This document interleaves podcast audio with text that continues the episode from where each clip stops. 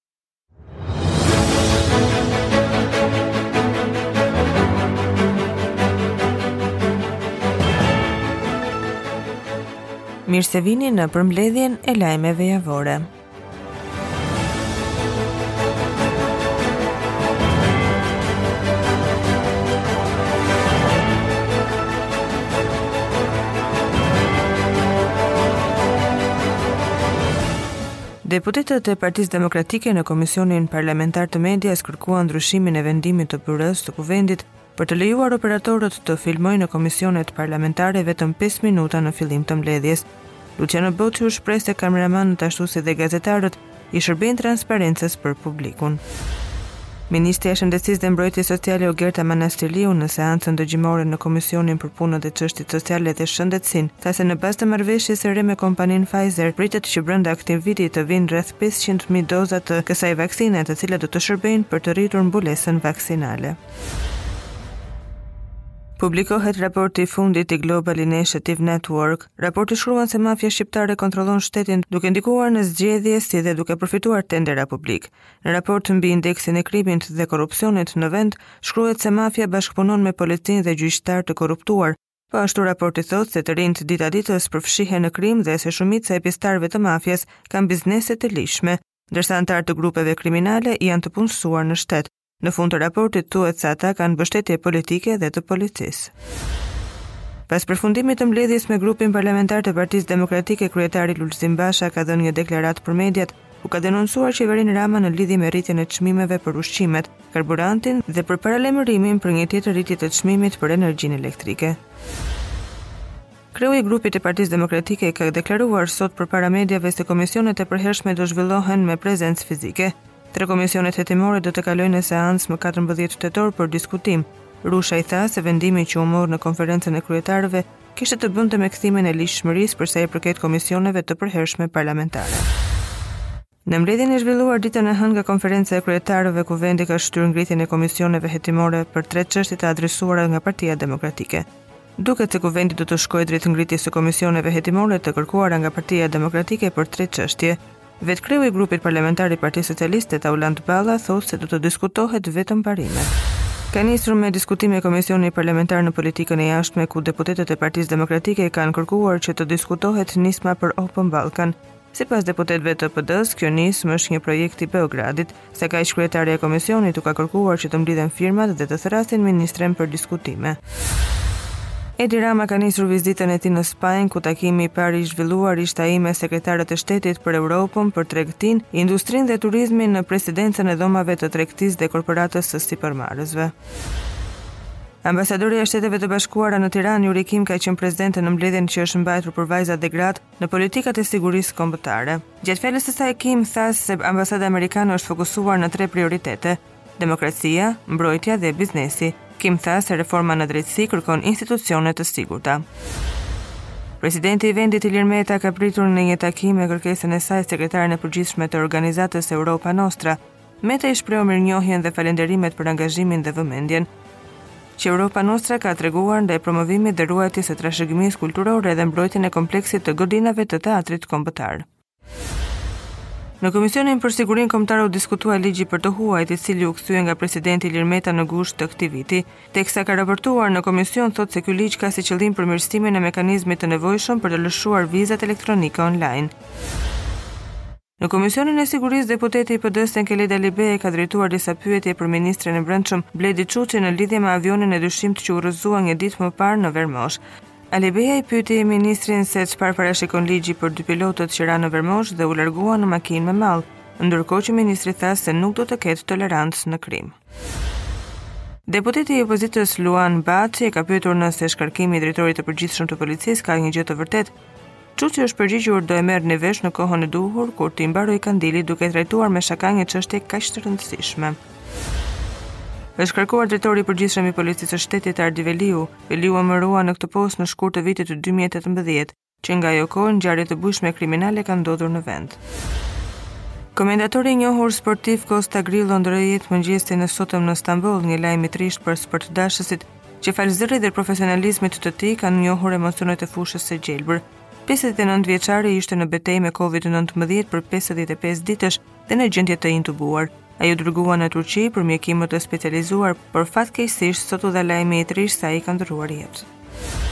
Një replikë me kryeministrin Rama i cili u largua nga salla pas fjalës në seancë, kryedemokrati Lulzim Basha u shpreh se opozita është në garë me llumin e tranzicionit, Dhe se beteja e saj nuk është e brendshme e PD-së dhe as me socialistët e ndershëm.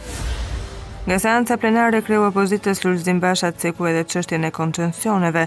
Ai akuzoi qeverinë se i ka vënë vendit një tabelë në shitje.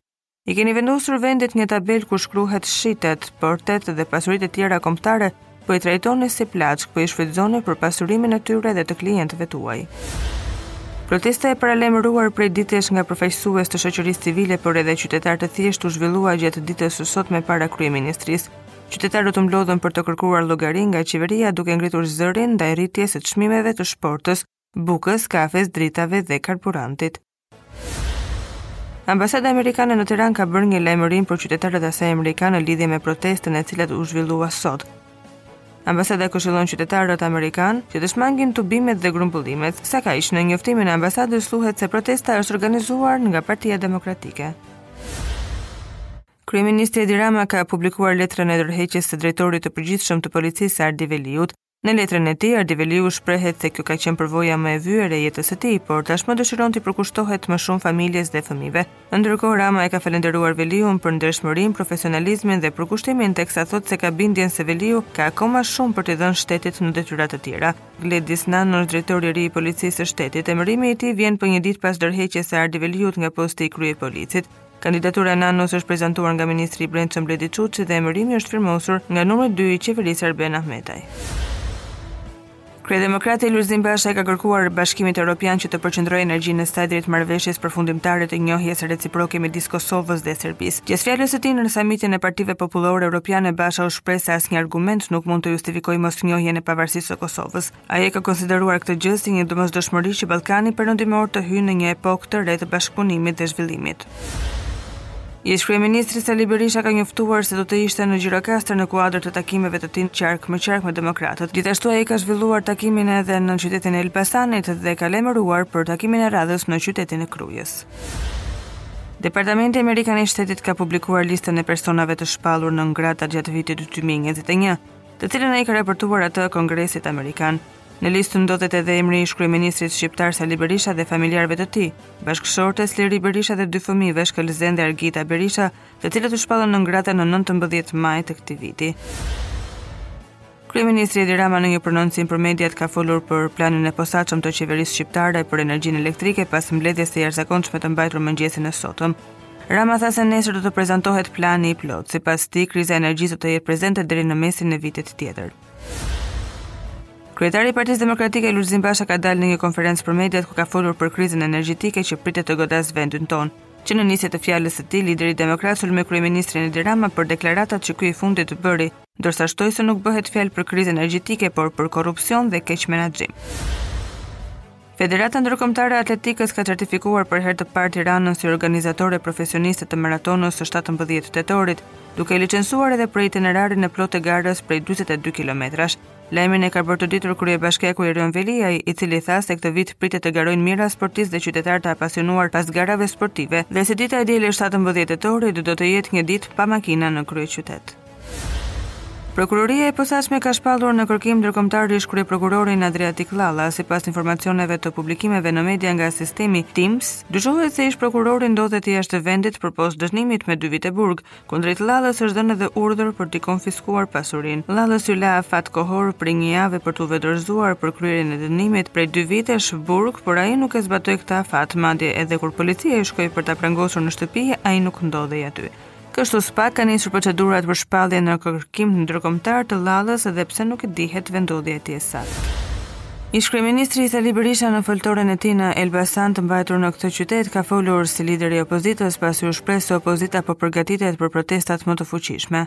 Ai kërcënoi hapur kryeministrin Edi Rama se qytetarët nuk do të largoheshin nga protesta pa e rrëzuar atë dhe qeverinë Teksa i bën thirrje Ramës të mos luajë me kafshatën e shqiptarëve.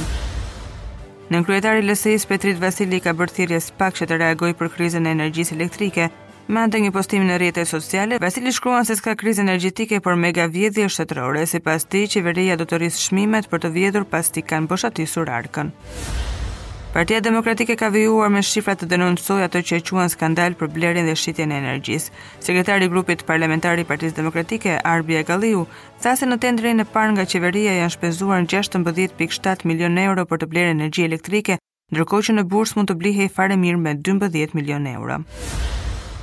Deputeti i Partisë Demokratike Oerd Bylykbashi ka zbuluar marrëveshjen që kreu i Partisë Demokratike Lulzim Basha ka bërë me kryeministrin Edi Rama. Sipas tij Rama i ka ofruar Bashës që të votojë zgjatjen e organeve të vetingut, sepse Partia Socialiste vetëm nuk i ka votat dhe socialistët t'u shtojnë disa bashki në hartë. Një ditë pasi u shpall në kërkim ndërkombëtar ish kryeprokurori i përgjithshëm i Republikës së Shqipërisë Adriatik Llalla vihet në lëvizje. Ish kryeprokurori shqiptar u dënua me dënim të formës së prerë nga gjykata me 2 vite burg dhe 5 vite përjashtim nga shërbimet publike për fshehjen e pasurisë në 3 episode. Bëhet me dije se Llalla kërkon pezullim të ekzekutimit të vendimit që e dënon me 2 vite burg. Ai kërkon që të mos qëndrojë në burg për shkak të problemeve shëndetësore që ka. Kjo kërkesë e paraqitur nga avokati i tij është depozituar dhe do të hidhet në short në ditët në vijim. Ai është arratisur nga Shqipëria dhe për këtë SPAK-u e ka shpallur në kërkim ndërkombëtar. Pas një hetimi 10 mujor të policisë në bashkëpunim me prokurorinë e Tiranës është finalizuar operacioni i koduar përfitimi ku janë arrestuar 6 persona të cilët akuzohen se kanë shitur medikamente kontrabandë gjatë periudhës së pandemisë. Policia ka siguruar një sasi të konsiderueshme medikamentesh të futura kontrabandë dhe një automjet. Policia e Durrësit ka parandaluar një vjedhje me armë zjarri duke arrestuar tre autorë të dyshuar dhe duke shpallur në kërkim dy të tjerë. Gjatë aksionit të koduar Rrethinat, policia ka sekuestruar një armë zjarri Kallashnikov dhe fishekë luftarakë. Ka qenë telefonata e një banori të zonës në Katund Suk se disa persona nën kërcënimin e armës po tentonin t'i vidhnin banesën, që kanë vënë menjëherë në lëvizje policinë, ku kjo e fundit ka ndërhyrë dhe ka parandaluar ngjarjen. Ambasadorja e Shteteve të Bashkuara të Amerikës thotë se ka takuar dje ministren e re të Financave dhe Ekonomisë, Delina Ibrahimaj, për ta uruar për detyrën si dhe ka kërkuar që Shqipëria të bëjë më shumë në luftën kundër korrupsionit dhe pastrimit të parave.